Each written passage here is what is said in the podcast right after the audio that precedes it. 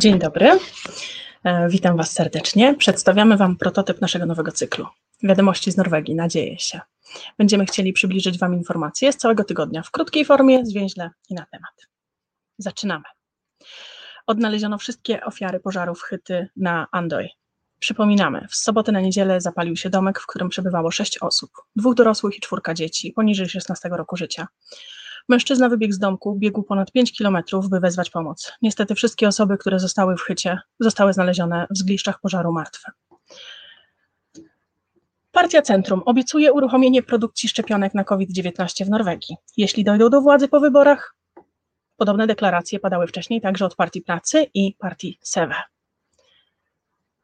Sturting uchyla rządowy zakaz spożywania alkoholu w pubach i restauracjach. Od piątku 22 stycznia lokale będą mogły przywrócić serwowanie alkoholi. Ministerstwo Zdrowia w komunikacie prasowym pisze, że zdecydowało się dostosować do zaleceń FHI. Rząd zastrzega jednak, że w rejonach, w których liczba zachorowań na COVID-19 jest wysoka, gminy mogą nakazać prohibicję regionalnie.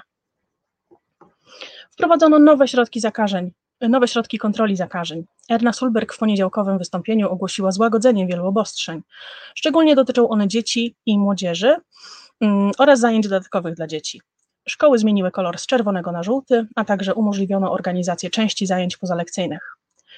Nowe zalecenia pozwalają także na przyjmowanie gości do pięciu osób. Imprezy w pomieszczeniach typu teatr, kino, gdzie miejsca siedzące są na stałe, może, y, mogą nadal mieścić do 200 osób z zachowaniem dystansu a podczas imprez plenerowych od 200 do 600 osób. W komunach z wysokim poziomem zachorowań mogą zostać wprowadzone inne zalecenia. Zachęcamy do sprawdzania informacji na stronach kolum, e, komun.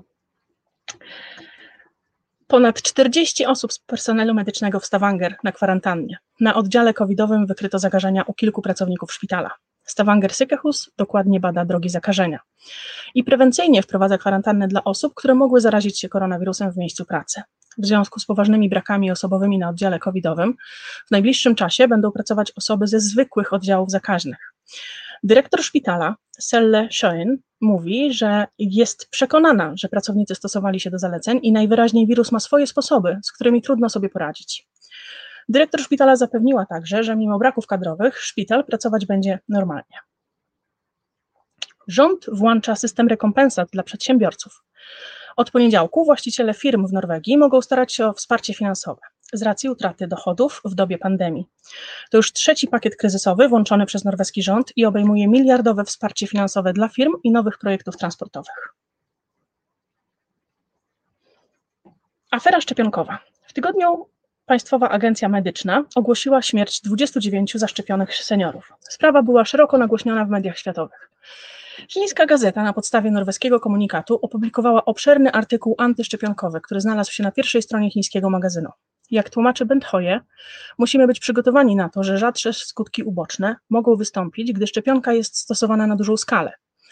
Ponadto minister zwraca uwagę na to, że co tydzień w Norwegii umiera około 300 do 400 seniorów. Dlatego istnieje przypuszczenie, że to nie efekty uboczne szczepionki były bezpośrednią przyczyną śmierci tych osób. Niemniej minister zdrowia zapewnia, że każda śmierć poszczepionkowa jest zgłaszana, raportowana i weryfikowana zgodnie z procedurą. Ekstremalne warunki pogodowe na północy kraju. Norweski Instytut Meteorologiczny przedłuża obowiązywanie e, ostrzeżenia dotyczącego niebezpieczeństwa spowodowanego ekstremalnymi warunkami pogodowymi. Burza, zwana Frank, od czwartku powoduje wiele zniszczeń w wielu miejscach. W wielu miejscach przerwana została dostawa prądu, odwołane zostały promy i pociągi. Niektóre drogi i mosty są zamknięte, a w szkole w Harstad runął dach. Gdy doszło do zdarzenia, w szkole przybywało kilkoro uczniów. Na szczęście nikomu nic się nie stało. Meteorolodzy proszą, by zostać w domu. Frank prawdopodobnie będzie obecny przynajmniej do soboty. A teraz trochę dobrych wiadomości.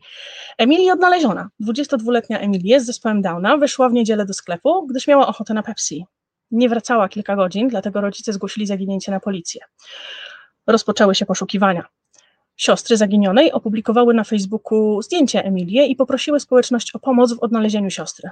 Post ze zdjęciem i prośbą o pomoc został udostępniony ponad 4000 razy w ciągu godziny. Rozdzwoniły się telefony i finalnie dziewczyna została odnaleziona. Znalazła się w pociągu, który jechał z Sadnes do Oslo. Rodzina Emilii dziękuję wszystkim za wsparcie i pomoc. I na koniec jeszcze jedna pozytywna informacja. Sheltun, 47-letni samotny ojciec, wygrał na Norsk Tipping ponad 5 milionów koron. Jak mówi Shell, długo nie mógł uwierzyć, że nagroda jest jego. Jeszcze miesiąc temu zmuszony był sprzedać samochód, by zapłacić za mieszkanie.